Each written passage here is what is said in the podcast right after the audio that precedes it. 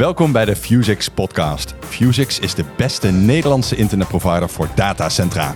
In deze aflevering gaan we het hebben over anti-DDoS. Je weet wel, een gedistribueerde aanval waarbij je zoveel verkeer voor je kiezen krijgt dat je diensten door de hielen kunnen gaan. Want internet is een grote plek en je wordt soms belaagd van alle kanten. En dat kan allerlei redenen hebben. Om je diensten plat te leggen, om je af te persen en soms, ja soms, ook gewoon uit pure verveling. Wat doe je eraan? Hoe vaak komen DDoS'en voor en hoe wapen je jezelf ertegen? We gaan je laten merken dat het antwoord op die vraag minder vanzelfsprekend is dan je misschien zelf denkt. Want internet is voor iedereen belangrijker dan ooit, maar de techniek die nodig is om het altijd draaiende te houden wordt steeds ingewikkelder. Laten we anti-DDoS simpel maken.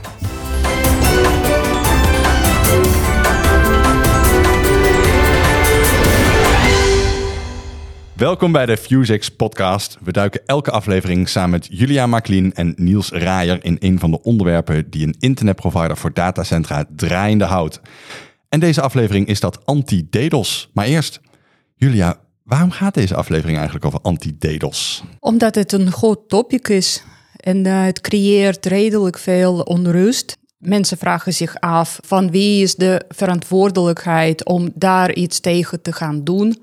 Ligt het bij de uh, gebruikers van internet? Ligt het bij de internetproviders? In welke verhouding? En uh, er is uh, zoveel erover al gezegd dat voor mijn gevoel weten mensen niet wat ze erover al weten en wat ze nog willen weten. Dus we dachten, nou, laten we zo'n ingewikkeld onderwerp aansnijden. Jij zegt het is een hot topic.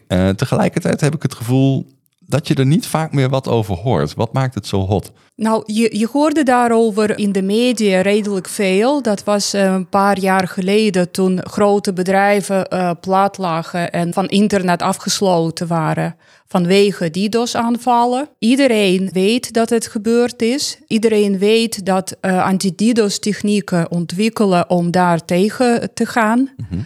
Ook al is het niet zo veel in de media meer, maar alsnog, gebruikers van internet, klanten van Fusix, maken zich zorgen van wat als dit mij ook overkomt. In deze zin, eh, ik merk ik ook in, uh, in de gesprekken met de klanten.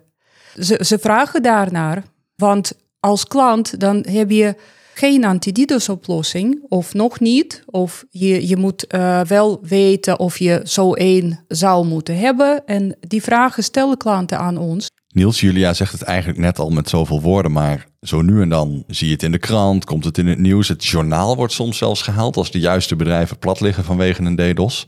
Ja, voor mij voelt het een beetje alsof het een poosje stil is geweest. Houden jullie ze er dan zo goed tegen of zijn er gewoon minder DDoS?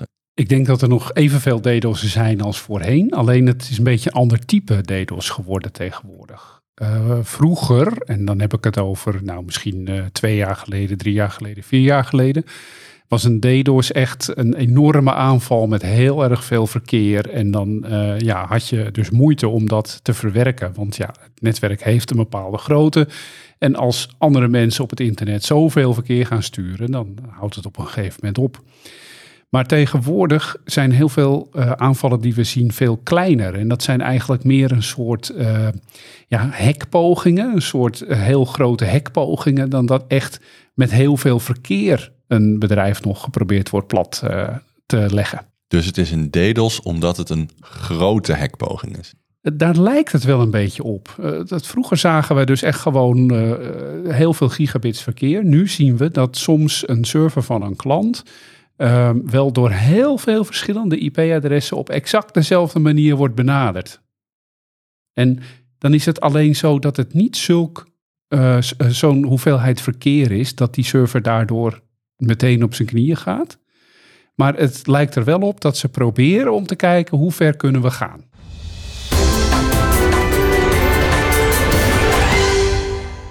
Zoals elke aflevering vragen we een klant van Fusix wat hun band is met het onderwerp. En dit keer doen we dat met Edso Bakker. Edso is Solutions Architect bij Poort 80. Als digital agency brengt Poort 80 bedrijven en organisaties direct digitaal in verbinding met klanten. En ik vraag Edso hoe zij omgaan met DDoS aanvallen.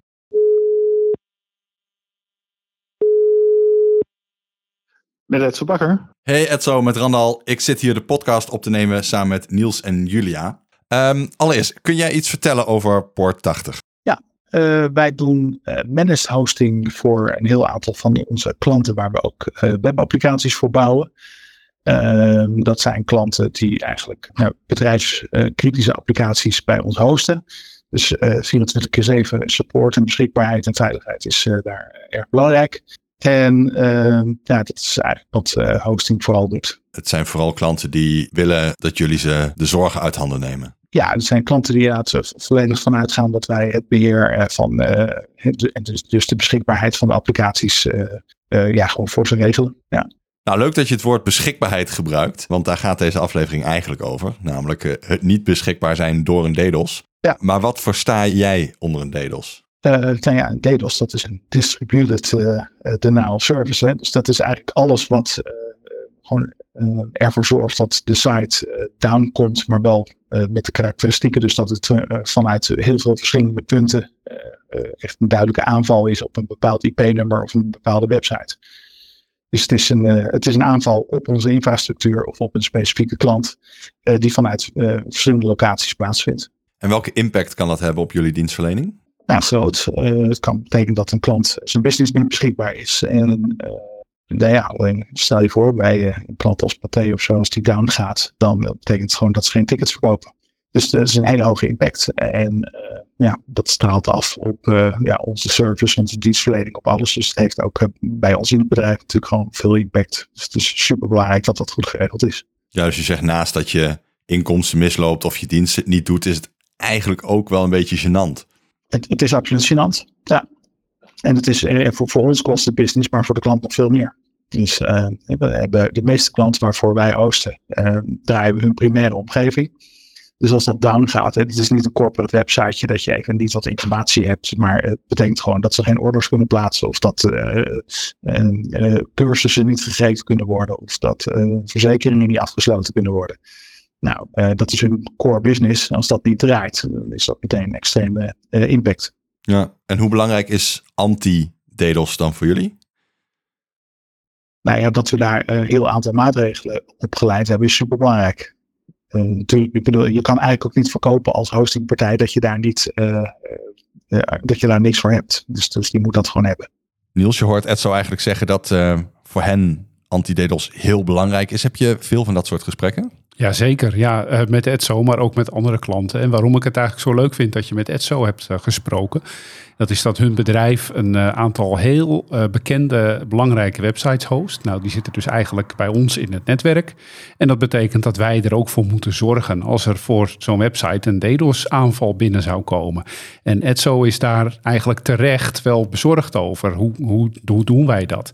En het leuke is dat, dat Edso en Poort80 ook met ons samenwerken om te kijken hoe kunnen we zo'n uh, anti-DDoS oplossing opzetten.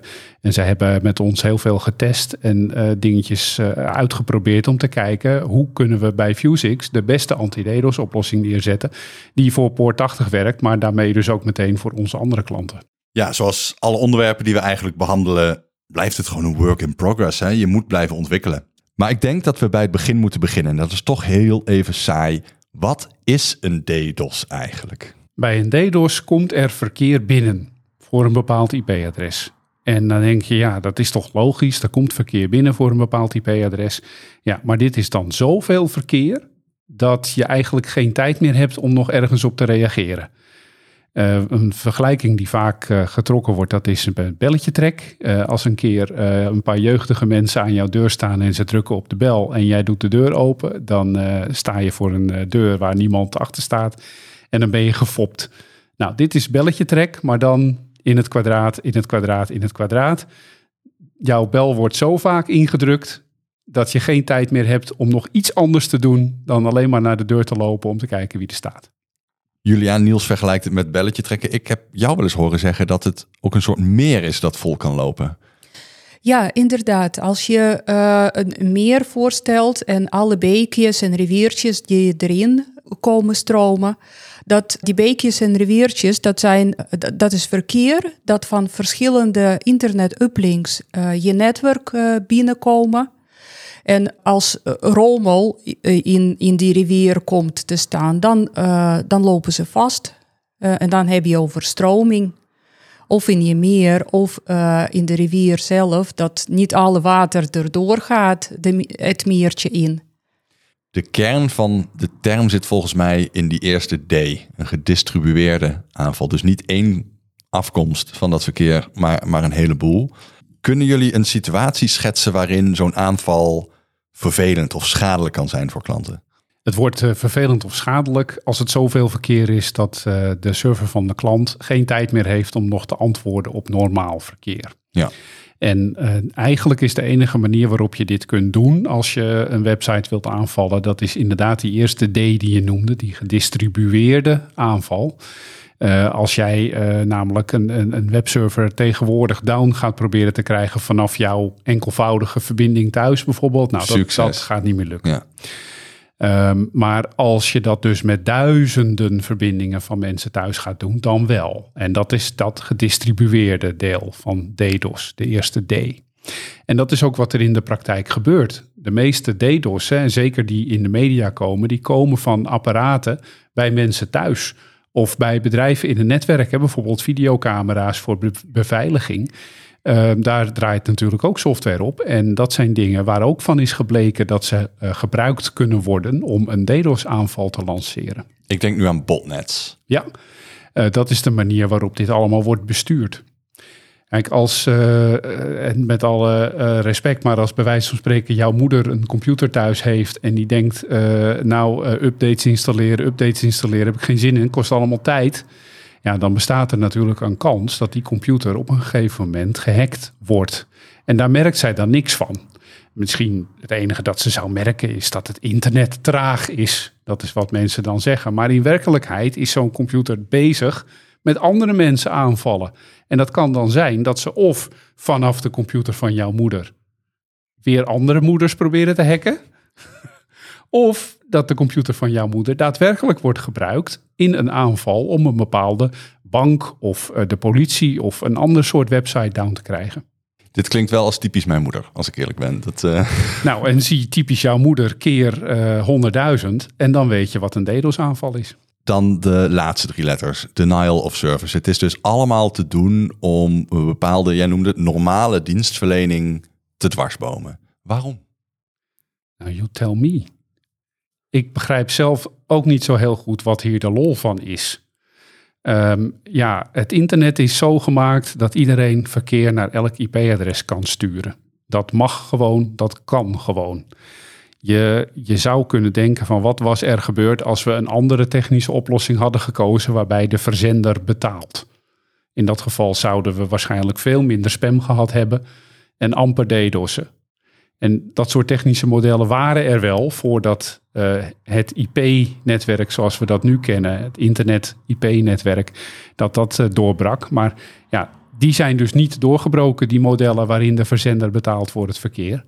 En uh, ja, wat we nu hebben, dat is wat we nu hebben. En in, die, uh, in dit formaat mag iedereen verkeer naar iedereen sturen. En dat is dus ook wat er gebeurt. Julia, kun jij een voorbeeld noemen van een succesvol uitgevoerde DDoS-aanval? Laten we eens even uh, kijken wat succesvol is. Nou, in, uh, in ons geval van Fusix en ons netwerk, er waren natuurlijk wel DDoS-aanvallen. En op een gegeven moment kan je zo'n aanval succesvol noemen als de website of de dienst van de klant inderdaad afgesloten wordt van het internet. Daar is het allemaal om dat te is, doen. Dat is succes. Nou, uh, omdat we met uh, bedrijven werken, in dat geval was het doel van, van een aanval om bedrijf af te persen. Dus hmm. bedrijf moet betalen, zodat die dus weggaat en dat, dat hebben onze klanten niet gedaan. Dus we, we hebben hun geholpen om door die periode van DDoS met combinatie van filtering en blackholing door te gaan.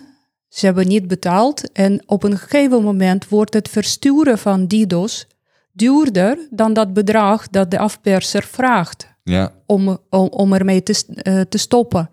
Dus in die zin waren die aanvallen niet succesvol, want ze hebben geld niet gekregen. Ze zijn ermee gestopt omdat het niet uh, kosteffectief is geworden. Nou gaan we natuurlijk de rest van de aflevering in geuren en kleuren beschrijven hoe je een DDoS voorkomt. Of in ieder geval de resultaten daarvan geen impact laten hebben op jouw dienstverlening. Want dan is het geen denial of service meer. Niels, kun jij iets vertellen over de verschillende typen DDoS die er zijn? Ja, we zien dat, dat nu uh, klanten vaker dus worden aangevallen op uh, de dienst die ze, die ze leveren. Uh, een volume gebaseerde DDoS, die komt niet zo vaak meer voor. Maar dat was dus gewoon echt dat men heel veel verkeer van bijvoorbeeld UDP-packets. Dus dat, ja, goed, dat is een bepaald type packets dat over het IP-netwerk kan lopen. Dat men zoveel UDP-packets ging sturen dat de verbinding gewoon vol kwam te zitten. Nou, dat is een effectieve DDoS, want als er een webserver staat met een 1 gigabit uplink en je stuurt daar 2 gigabit UDP-verkeer naartoe, dan kan die server geen normaal verkeer meer ontvangen. Nee, als niemand DDoS-preventie doet, is dat een succesvolle aanval. Klopt. Ja. Wat we tegenwoordig zien, dat is dat uh, machines van klanten worden aangevallen precies op de, uh, op de poort, op de applicatie waar die machine eigenlijk voor is. Dus een webserver, daar wordt geprobeerd om zoveel verkeer uh, op TCP-poort 443 naartoe te sturen, dat die server verder ophoudt met werken, dat hij geen website meer kan serveren. Maar tegelijkertijd is de uplink van die server helemaal niet vol op dat moment. Ze proberen gewoon de server zo bezig te houden dat het niet meer lukt om de gewone website te serveren. Maar zonder dat het bij een uh, bedrijf zoals Fusix opvalt in de verkeersgrafieken. Ja, ja, ja, ja. Dus het is een best wel specifiek getarget aanval waar misschien ook wel wat huiswerk voor is gedaan. Dat denk ik wel, want je moet wel precies weten wat je aanvalt. Nou, is dat meestal niet zo heel erg moeilijk. Uh, als je een website wilt aanvallen, nou, dan kijk je gewoon naar de naam van die website. Dan weet je het IP-adres en je kan ook wel raden uh, dat zo'n website op uh, poort 443 of uh, misschien heel vroeger nog op poort 80 wordt mm -hmm. gehost. En dan ga je die gewoon aanvallen. Dus het, het is niet heel moeilijk. Maar um, het is wel een verandering ten opzichte van wat we vroeger zagen. En er zijn ook uh, redenen waarom het zo verandert. Een uh, volumeaanval kan je heel snel en makkelijk detecteren. Uh, Zo'n piek in volume van verkeer, dat valt meteen op. En dan kan automatisch anti-DDoS-systeem dat detecteren en meteen met mitigatie beginnen. Nou, in een specifieke gevallen zoals we dit nu zien, dat valt niet op in de detectie. En da daardoor kan het verkeer door internetprovider afgeleverd worden naar de klant. En daar ontstaan dan schade voor die klant. Het valt niet op in de detectie in die zin dat er geen grote alarmbellen afgaan hier of zo, omdat er nou helemaal niet verschrikkelijk veel verkeer is. Maar zo'n aanval, daar komt meestal wel een rapportje van, een uh, e-mailtje met een uh, mooie executive uh, PDF eraan. En als zoiets nou vaker gebeurt naar hetzelfde IP-adres, dan gaan wij daar wel met de klant over in overleg. Van, wat gebeurt hier eigenlijk? Hebben jullie hier last van? Kunnen we hier iets mee?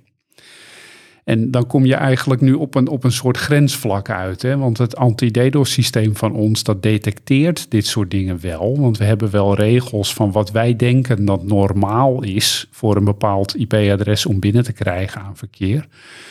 Maar uh, het is natuurlijk geen firewall, het is geen security systeem. We kunnen niet uh, de klant beloven dat hun server uh, bij wijze van spreken nooit gehackt wordt of zo mm -hmm. vanwege ons anti-DDoS systeem. Dat zijn twee heel verschillende dingen het anti-DDoS-systeem bekijkt, wat voor soort verkeer en dan met name ook wat voor hoeveelheid van die soort verkeer naar een bepaald IP-adres gaat.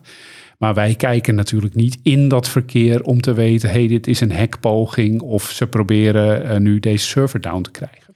Maar zie je wel patronen? Ja, uh, we hebben in het begin van uh, dit jaar een patroon gezien waarbij heel veel voice-over IP-providers werden aangevallen. Ik heb geen idee wat men ermee probeerde te bereiken, want geen enkele aanval was uh, succesvol. Maar wij hebben dus toen heel vaak UDP-attacks gezien naar de uh, servers van voice-over IP-providers. Uh, waarbij ze kennelijk probeerden om die buiten bedrijf te stellen of om het telefoonverkeer te hinderen. Er zit denk ik ook wel een zekere uitdaging in niet in het verkeer willen kijken. Ook niet weten hoe druk die server het heeft. En puur op basis van het netwerkverkeer in te schatten of het een DDoS is. Laten we even inzoomen op hoe ga je te werk? Hoe pak je dit aan? Waar begin je? We beginnen met een set regels waarvan wij hebben bedacht, uh, dit zou een uh, normale baseline zijn voor een bepaalde klant. En als een uh, nieuwe klant bij ons aansluit, dan komt die normaal gesproken onder die baseline regels te vallen. Nou, als dat blijkt rapportages op te leveren en ons anti-DDoS systeem vindt dat er een attack binnenkomt voor zo'n klant, dan gaan we met de klant in contact en dan gaan we vragen, joh, wat doe je precies met deze server? Um, waarom zou je uh, meer verkeer willen kunnen ontvangen dan wat in onze baseline staat? Nou, en dat blijkt ook af en toe nodig te zijn. We hebben bijvoorbeeld uh, klanten, uh, meerdere zelfs, die met grote regelmaat 10 gigabit per seconde van Microsoft downloaden. Dan is het gewoon update seizoen.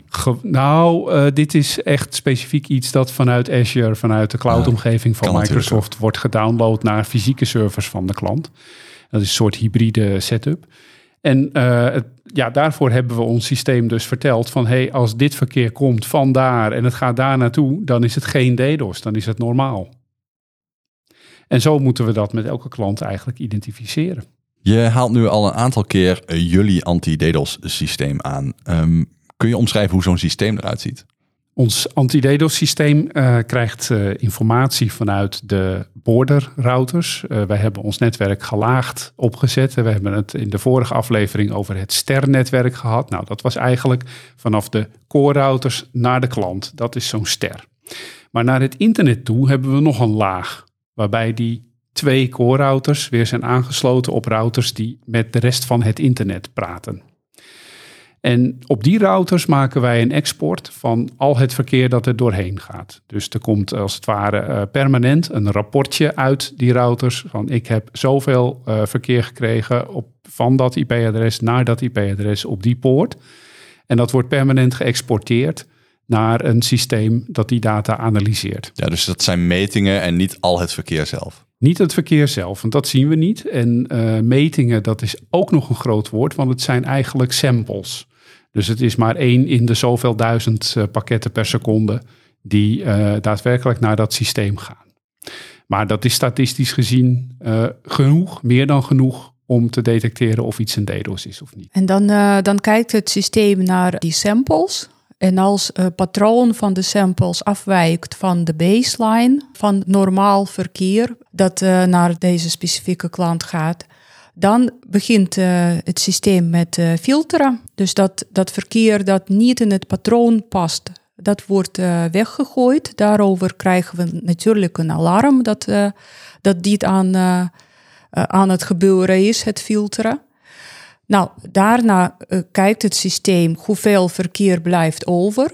Dus of die filtering succesvol is of niet. Nou, als last resource, uh, dan kan IP-adres waar aanval naartoe gericht is, geblackholed. Dat, dat gebeurt eigenlijk als ons eigen infrastructuur beschermd moet worden en de andere klanten uh, geen last moeten krijgen van een aanval dat naar één van de klanten gaat. En dat is misschien Niels ook uh, iets belangrijk uh, om te vertellen. Dus op het moment dat het systeem begint te filteren, wordt het verkeer van de klant dat gefilterd wordt, gescheiden gehouden van de rest van het verkeer van alle andere klanten. Dat betekent dat we dus onze capaciteit naar buiten toe, naar het internet toe, beschermen, zodat verkeer van alle andere klanten, behalve deze, door onze regelmatige normale uplinks binnenkomt bij Fusix op onze infrastructuur. En alleen het verkeer dat, dat we willen filteren, dat komt door een van de grote poorten. En dat gaat dan rechtstreeks naar een filterbox. Filterbox. Ja.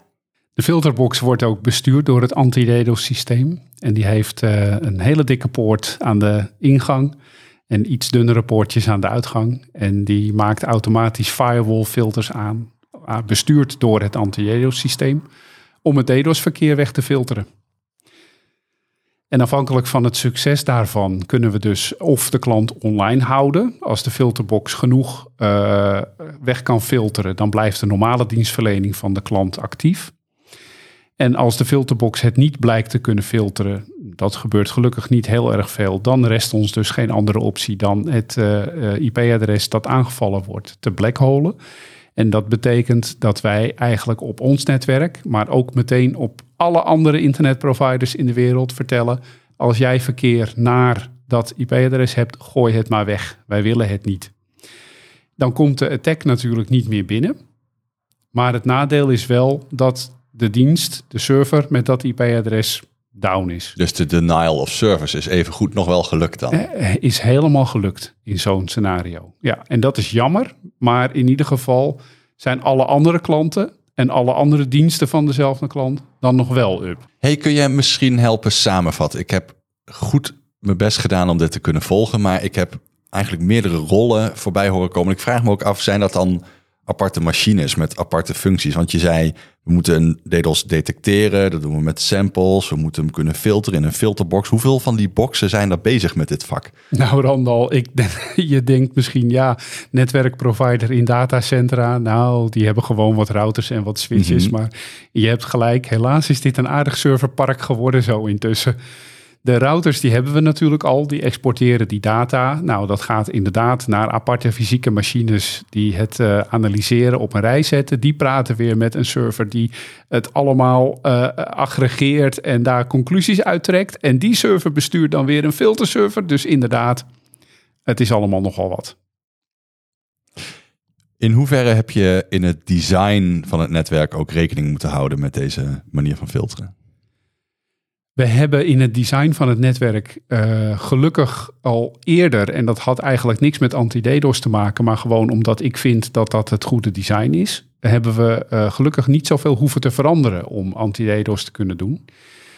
Het punt is dat wij het netwerk eerder al hadden opgesplitst met core routers en border routers, zoals ik net vertelde. De core routers, daar hangen de klanten aan. De border routers, daar hangen de peers en transits aan. Dus dat is waarmee we met de buitenwereld praten.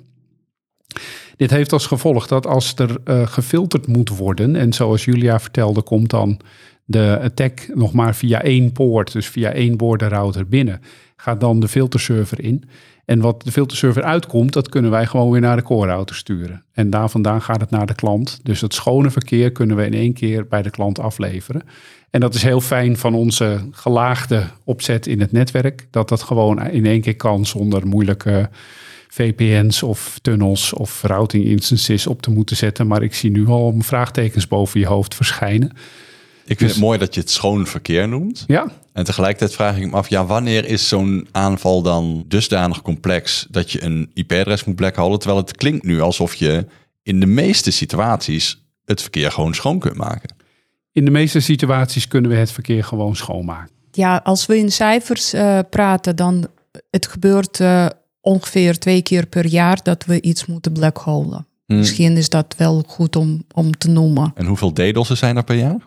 Uh, miljoenen. Er zijn uh, meerdere per, uh, per uur. Tijdens het opnemen van deze podcast komen de rapportjes al binnen met uh, DDoS'en. Maar dat zijn dus eigenlijk voor het grootste deel van die DDoS'en waar we het in het begin over hadden, wat meer een soort speldenprikjes zijn om te kijken hoe zit het met de security van een bepaalde server. Hoeveel verkeer heb ik nodig om dit uh, plat te krijgen.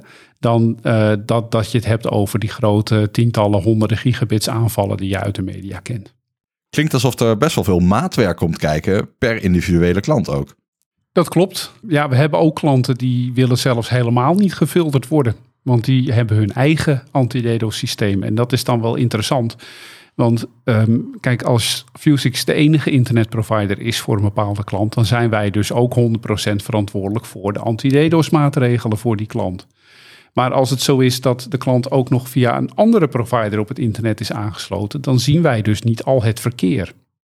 Ja, om terug te komen bij die beekjes en riviertjes die een meer uh, binnenstromen. In dat geval zou anti-DDoS bij de klant zelf liggen en dan zegt uh, dat type klant tegen ons: Nou, laat maar alles binnenkomen wat je maar wilt. Uh, vanuit het internet. Wij gaan het zelf detecteren, filteren en anti-DDoS systeem hebben we zelf in huis. Dat kan en dat werkt. Dat is met wat grotere klanten uh, aan wie we IP-transit leveren. Nou, er is één limiet aan hoeveel verkeer willen we aan de klant afleveren, want onze infrastructuur heeft natuurlijk een bepaalde capaciteit. En dat is een grote capaciteit tussen onze routers en datacenters. Maar als dat type klant in een datacenter ziet, waar tussen de core routers en het datacenter een maximale capaciteit van 100 gigabit per seconde is, en DDoS-aanval is meer dan 100 gigabit, nou, dan gaan we toch wel stoppen. Want uh, als onze eigen infrastructuur vol raakt met verkeer, met DDoS-verkeer, dat betekent dat verkeer van andere klanten die ook in de, hetzelfde datacenter zitten, niet, meer gerouteerd kan worden tussen de core routers en dat datacenter.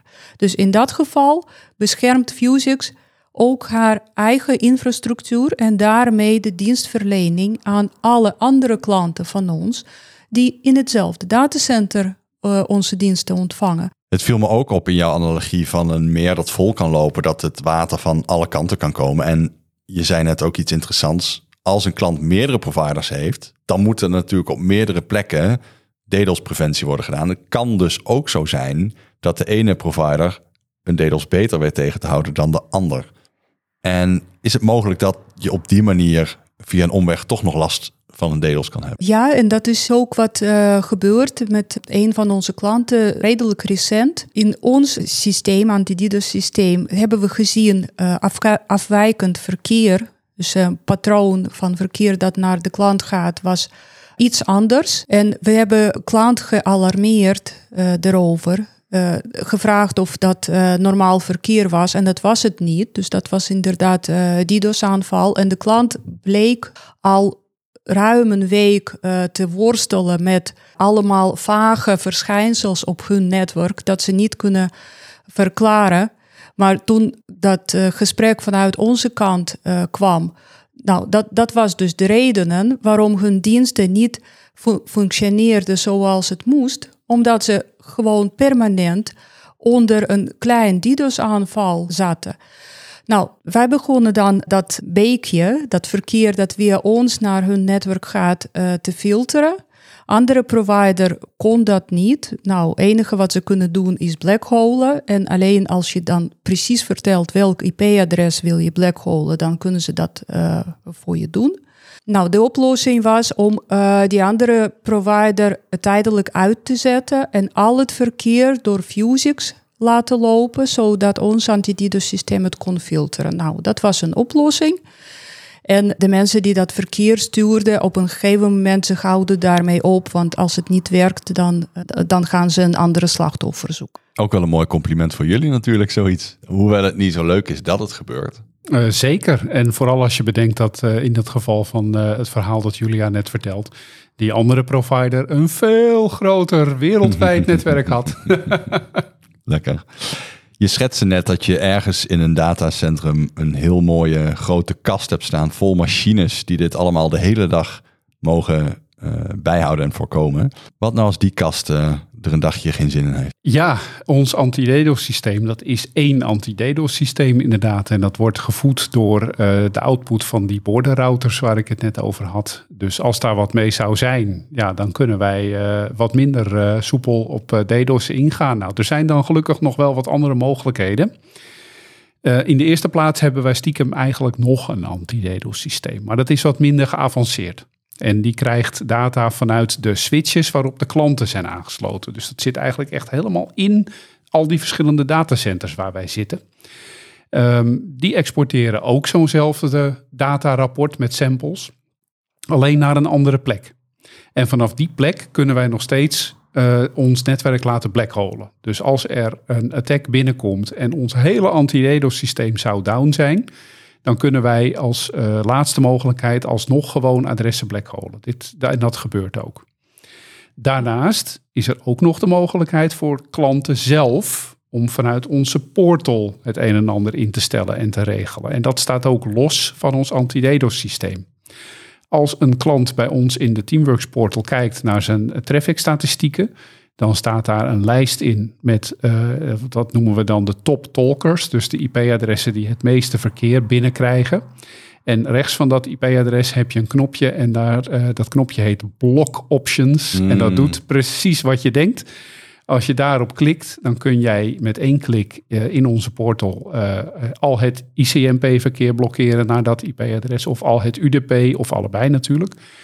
Maar je kunt dat adres ook blackholen, zoals we eerder hebben omschreven. Dan wordt op het hele internet, overal, wordt het verkeer naar dat IP-adres weggegooid. En tot slot hebben wij ook de optie in de portal zitten om te blackholen, maar alleen buiten Nederland. En in dat geval blijft het verkeer dat van binnen Nederland komt naar dat IP-adres gewoon werken. En het verkeer dat van buiten Nederland komt naar dat IP-adres wordt weggegooid. En waarom is dat handig? Dat is handig omdat een attack vaak uit het buitenland komt. En je je dienst vaak in Nederland beschikbaar wil hebben. Nou, denk bijvoorbeeld aan de, eh, een website van eh bioscopenketen in Nederland. Nou, mensen die naar zo'n website gaan, eh, ze willen een kaartje kopen of ze willen zien welke filmen eh, in een bepaald bioscoop vandaag draaien. Nou, ze komen heus niet eh, vanuit China kijken. Eh, ja, welke films eh, in Nederland in een bioscoop in Zaandam eh, draaien. Dus in, in, dat, in, in dit geval van geo blackholing, gebruikers van de website, die dus vanuit Nederland naar de website komen, die kunnen de website zien en het, werkt, het blijft werken. Maar mensen die dan vanuit andere regio's in de wereld naar die website toe gaan of verkeer er naartoe sturen, die krijgen die website niet te zien. En dit kan dus vanuit onze portal worden ingesteld. Dus op het moment dat je gewoon naar de, naar de Teamworks portal website gaat, kun je dit doen voor alle IP-adressen die binnen jouw netwerk vallen. En eh, tot slot hebben we voor de echt super geavanceerde klanten natuurlijk ook nog de mogelijkheid om al dezezelfde dingen via BGP te doen. Dat ingewikkelde BGP-protocol uit de vorige aflevering, weet je nog? Nou, dat kan ook. Daar kan je ook routes mee adverteren en dan hang je daar een vlaggetje aan. Dat heet dan een community, waarmee je ons vertelt, dit moet er gebeuren. Nou, het is mij eh, inmiddels redelijk helder hoe jullie omgaan met DDoS-preventie en wat er allemaal bij komt kijken. Nu heb ik in mijn tijd ook wel eens mensen horen praten over de nationale wasstraat. En dan kreeg ik bijna het idee dat dat verhaal zo mooi was, dat ik daar gewoon een abonnement kan nemen en mijn diensten erachter hangen en dan ben ik helemaal klaar en veilig. Maar ik zie aan jouw blik dat het misschien wel ingewikkelder ligt dan dat. Oh, dat valt denk ik wel mee. De Nationale Wasstraat eh, heeft eh, een eh, mooi product dat door veel providers met veel succes wordt gebruikt. Maar wat is er mooier dan een mooi product? En dat is zelf dat mooie product hebben. En dan komt weer een beetje dat nerdverhaal kijken van vorige keer ook. Ja, je servers zet je toch ook niet in de cloud? Nee, dat doe je zelf. Nou, anti-DDoS doen we ook zelf, omdat het beter is. NaWas is een, is, is een mooi product, de Nationale Wasstraat. En het werkt echt goed voor heel veel providers. Maar er zijn wel een paar dingetjes die beter kunnen. Nou, die paar dingetjes die beter kunnen, die hebben wij volgens mij beter gedaan bij ons in het netwerk. En dat hebben we gedaan door ze zelf te doen.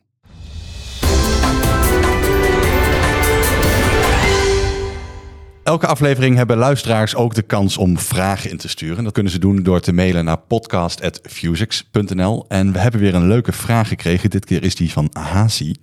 Die vraagt zich af, is er wel eens fysieke schade ontstaan door een DDoS? Fysieke schade. Fysieke Ik- schade. Ik kan me voorstellen waar die vraag vandaan komt. Ik, want ja, kijk, als je heel veel verkeer door een bepaalde lijn eh, moet sturen, dan ja, misschien zie je dan voor je inderdaad dat dat begint te roken, dat die glasvezel warm wordt of dat er een optik eh, stuk gaat of zoiets. Dat dat zou ik me kunnen voorstellen, maar dat gebeurt dus niet. Nee, ik heb dat eigenlijk nooit meegemaakt. Het is niet zo dat je door een DDoS te sturen echt fysiek iets, iets stuk kan maken. Behalve dan dat jij wakker gebeld kan worden. ja, dat, dat is één ding. Eh, op zich gebeurt dat natuurlijk normaal gesproken niet, omdat het systeem dat, eh, dat, eh, dat allemaal afvangt. En ik zie alleen 's ochtends het rapportje in, in mijn mailbox. Normaal gesproken. Normaal gesproken. Ik kan mij wel, en dat sluit misschien wel een beetje aan op, eh, op de vraag. eh, ik kan mij wel herinneren dat ik eh, een keer een heel grote DDoS heb binnengekregen. waarvoor ik nog aan ons systeem wat moest tweaken. En dat, die DDoS die veranderde ook de hele tijd. Dat was zo'n afpersings-DDoS. En ik had eigenlijk die week een cursus. Want je zou denken, ik weet alles al, maar nee hoor, ik moet ook af en toe op cursus. Hmm, valt me tegen. Ja, sorry. Uh, en ik heb die cursus uh, moeten, moeten annuleren, want uh, het was, was niet te doen om dat nog te volgen tijdens het tweaken van het anti-JEDOS systeem. Toch schade. Toch schade.